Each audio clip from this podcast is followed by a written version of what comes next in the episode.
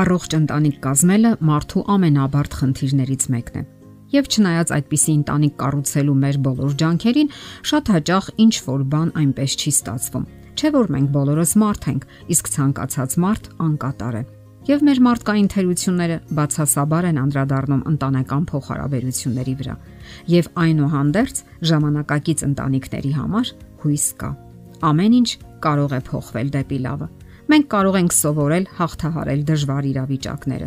Գիտակցելով թե ինչու է Աստված ստեղծել ընտանիքը, մենք կարող ենք կառուցել ավելի ամուր եւ առողջ ընտանեկան հարաբերություններ։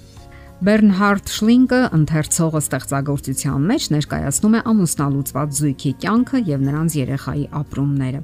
Կարդում ենք. Նա երկար ժամանակ չէր հասկանում, թե ինչ է նշանակում ամուսնալուծություն եւ ուզում էր, որ իրեն այցելելիս իր մոտ մնամ, իսկ երբ ինքն էր այցելում ինձ, Գերտրուդը, մայրը, իր հետ կար։ Երբ ես հրաժեշտ էի տալիս ու գնում, նա պատուհանից նայում էր։ Ես նրա տխուր հայացքի ներքո մեքենա էի նստում եւ սիրտս կտոր-կտոր էր լինում։ Ես մտածում էի, որ այն ինչ մենք մերժեցինք նրան, ոչ միայն նրա ցանկությունն էր, այլև իրավունքը։ Ամուսնալուծվելով մենք խախտել էինք նրա իրավունքները եւ այն, որ այդ որոշումը միասին էինք կայացրել, մեր մեղքը չէր մեղմացնում։ Ինչպիսի հասարակության մեջ ենք ապրում մենք։ Մեր ժամանակների մասին վստահ կարելի ասել, որ ապրում ենք սպառողական հասարակությունում։ Դա եւ հետևանք է եւ պատճառ եսասիրության։ Եվ այս ամենն ի վերջո իր հետքն է թողնում նաեւ ընտանեկան հարաբերությունների վրա։ Մեր օրերի մեծապես նյութականացված հասարակությունը ծնել է համապատասխան վերաբերմունք նաև մարդկանց հանդեպ ինչու են հաճախացել ամուսնալուծությունները որովհետև սպառողական վերաբերմունքը ծնել է այդպիսի վերաբերմունք ոչ միայն ապրանքի, այլև մարդկանց եւ մարդկային հարաբերությունների հանդեպ։ Շատ հաճախ մարդիկ պատրաստ չեն իրենց ինչ որ բանի նվիրաբերել, այդ թվում ամուսնությանը։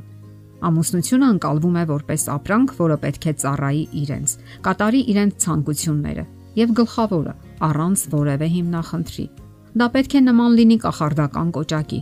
Սեղմում ես կոճակը եւ ամեն ինչ պատրաստ է։ Իսկ երբ դա տեղի չի ունենում կամ որևէ բան խաթարվում է,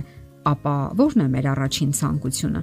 Մենք ցանկանում ենք խանութ վերադարձնել անսարք ապրանքը կամ փոխել այն, եւ որքան հնարավոր է արագ։ Ապա սկսում ենք արթարանալ, դե գիտեք, ապրանքը չէր աշխատում։ Եվ ահա հոգեբանները ընդգծում են, որ շատ մարդիկ այսօր հենց այդպես էլ վերաբերվում են ամուսնությանը, որպես ապրանքի։ Սակայն չի կարելի մոռանալ, որ դրանք հարաբերություններ են։ Ուխտի հարաբերություններ, նվիրաբերման հարաբերություններ, անznազողության հարաբերություններ եւ վերջապես կյանքի իմաստի ու այդտեղ դրսևորվելու հարաբերություններ։ Ամուսնական ճգնաժամին դիմակայելը այնքան էլ པարզ չէ, ինչպես թվում է առաջին հայացքից։ Դա պահանջում է քաջություն, վճռականություն եւ գործողություններ կատարելու ունակություն անհարթությունների, թյուրիմացությունների դեպքում անհրաժեշտ է վերացնել անհարթությունները, նորոգել չաշխատող մասերը, նորովի կառուցել դրանք։ Եվ պետք չէ վրթովվել կամ հուսահատվել։ Հարկավոր է քննել առաջացած հիմնախնդիրները եւ աշխատել դրանք վերացնելու ուղղությամբ։ Այստեղ շատ կարևոր է հասուն ու գիտակից վերաբերմունքը ամուսնության հանդեպ։ Չէ որ դա ոչ մեկ օրվա, ոչ էլ մեկ տարվա համար է Ամուսնությունը ողջ կյանքի փորձառություն է, որտեղ ստուգվում է մարդու հոգեբանական կայունությունը։ Աստիճանաբար փոխվում է նաև մարդու պատկերացումը, փիլիսոփայությունը ընտանիք երևույթի հանդեպ։ Եվ հասունացման ու աճի այս գործընթացում զարգանում է սերը, ներումը եւ համբերատարությունը։ Ընտանիքի շաղախը սերը, ներողամտությունը, ըմբռնումը, հանդուրժողականությունն ու համբերությունն են Չէ որ այսօր ավելի ու ավելի շատ են հնչում ձայներ, որ ընտանեկան ինստիտուտը այլևս նախկինը չէ, որ փոխվել են պատկերացումները եւ որ այնքան էլ վտանգավոր չէ բաժանվելը։ Մարդիկ չեն ցանկանում պայքարել իրենց ամուսնության համար, փրկել ու պահպանել այն։ Որոշում են ընտրել ավելի թեթև, հարմար ու մատչելի եղանակ՝ ամուսնալուծություն Իհարկե, պետք է ընդգծել, որ իրավիճակները տարբեր են լինում եւ չի կարելի միանման գնահատական տալ բոլոր բաժանություններին։ Լինում են նաև բացառություններ, երբ մարդը պարզապես ուրիշ ելք ու հնարավորություն չունի։ Սակայն դրանք բացառություններ են, ոչ օրինաչափություն։ Ելքը չհանձնվելն է։ Պետք չէ հուսահատվել եւ դիմել խմիչքի, արտահանուսնական կապերի, Դրանք դեռ ոչ մի ամուսնություն չեն փրկել։ Կարևոր է նաև կյանքի հանդեպ ընդհանուր վերաբերմունքն ու պատկերացումները փոխելը։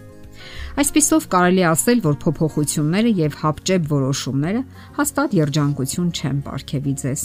Նոր խնդիրներ կառաջացնեն ձեզ համար։ Ամուսնությունը գիտակցական եւ կամային ջանքեր է պահանջում։ Դա մեկ օրվա կամ մի քանի տարվա ընթացք չէ, այլ ողջ կյանքի։ Սովորեք ձեր ու նաեւ ուրիշների սխալներից։ Որպիսի փրկեք սասանվող կամ ճեղքեր տվող ամուսնությունը, հարկավոր է նորովի գնահատել ձեր կյանքի ուղեկցի արժանինքները։ Կարդանք հատված մի գեղեցիկ ստեղծագործությունից։ Ես մշտապես հիանում եմ իմ կնոջով։ Եթե քո հարևանի խոտը ավելի կանաչ է, նշանակում է դու չես ջրում քո խոտը։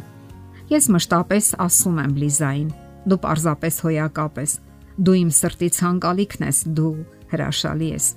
Ինչու համար եմ այդպես անում։ Նախ դա օգնում է, որ նա ծաղկի ու փթթի, որովհետև կինը արտացոլում է իր ամուսնու սերը։ Երկրորդ, դա օգնում է իմ սրտին, որ մշտապես սիրահարված լինեմ իմ կնոջը։